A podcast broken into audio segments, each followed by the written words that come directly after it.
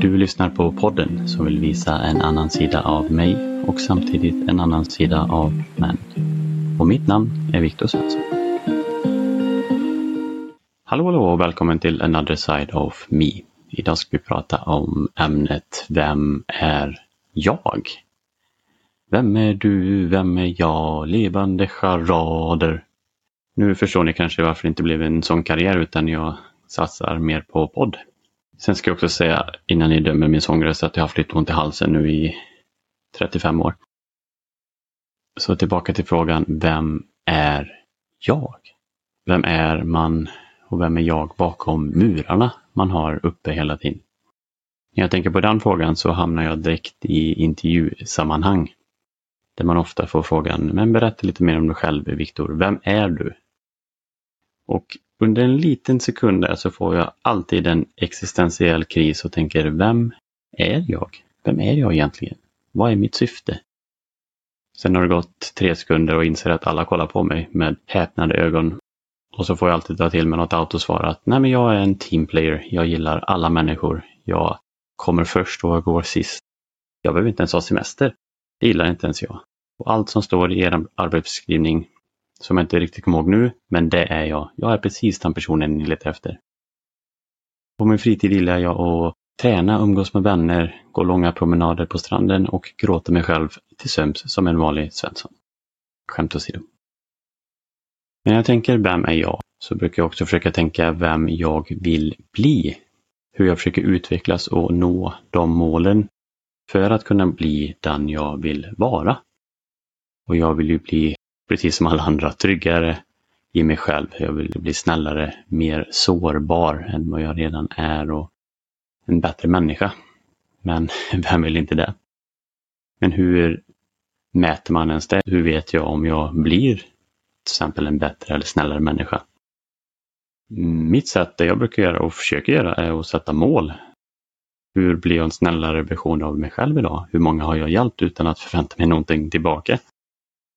Sen får man ju definiera vad snäll är för dig och försöka bryta ner dem i kortsiktiga mål och försöka nå dem. Nu har vi famnat iväg lite på vad själva grundfrågan är och varför jag ville göra detta lilla avsnittet. Det var för att kanske berätta lite mer vem jag är och varför jag gör detta.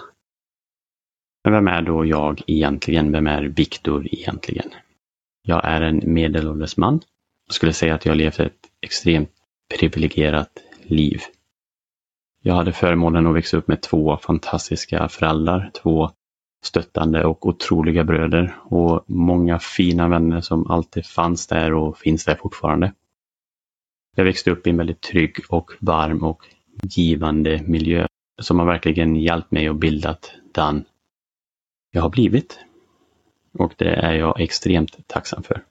Jag förstår verkligen att alla inte har haft den förmånen. Men varför vill jag då skapa en podd och prata om de ämnena jag ska prata om. Jo, för även om jag har levt ett väldigt fint liv så har jag också upplevt mycket sorg och förlust och mycket som har hänt. Som också har format den jag blivit och gjort att jag har känt ett behov att uttrycka mina känslor och visa mig sårbar för att andra också kan visa sig sårbara tillbaka och man kan prata om ämnen som faktiskt berör och betyder någonting och som verkligen kan läka någonting när man tar upp det till ytan och pratar om det på ett fint och empatiskt sätt. Och varför jag vill ta upp saker och vissa ämnen är för att jag har inte alltid vågat möta mina känslor eller jag har inte ens velat möta mitt inre. För även om jag hade en fin uppväxt så lärde jag mig aldrig hantera känslor eller sorg och såg mig själv för stark för att gråta, vilket bröt ner min mentala styrka otroligt mer än vad det egentligen byggde upp.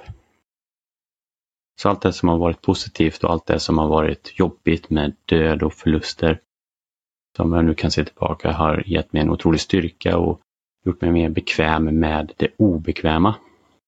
Och det jag vill visa med det här och visa med det jag pratar om och visa med hela mitt jag är att det är okej okay att prata om känslor och visa sårbarheter, till och med en enorm styrka att våga göra det. Så hela idén med namnet och med det här är att jag vill visa en annan sida av mig och samtidigt då en annan sida av män. För jag vet att det kan dels rädda liv att prata om det här och öppna upp det här forumet mer och bryta de här normerna som tyvärr finns där ute. Så det var lite kort om vem jag är och du kommer säkert lära känna mig mycket mer intimt genom den här resan än vad jag är bekväm med egentligen. Men det här är en utmaning för mig och förhoppningsvis kan det här utmana dig på något sätt eller få dig att våga utmana ditt egna tankesätt lite grann. Tack för att ni lyssnade på detta avsnittet och vi kommer hoppa in i lite mer olika ämnen framöver nu. Men jag är extremt tacksam för att du lyssnar och jag önskar dig en fantastisk dag. Jag ville bara säga tack för att ni lyssnar.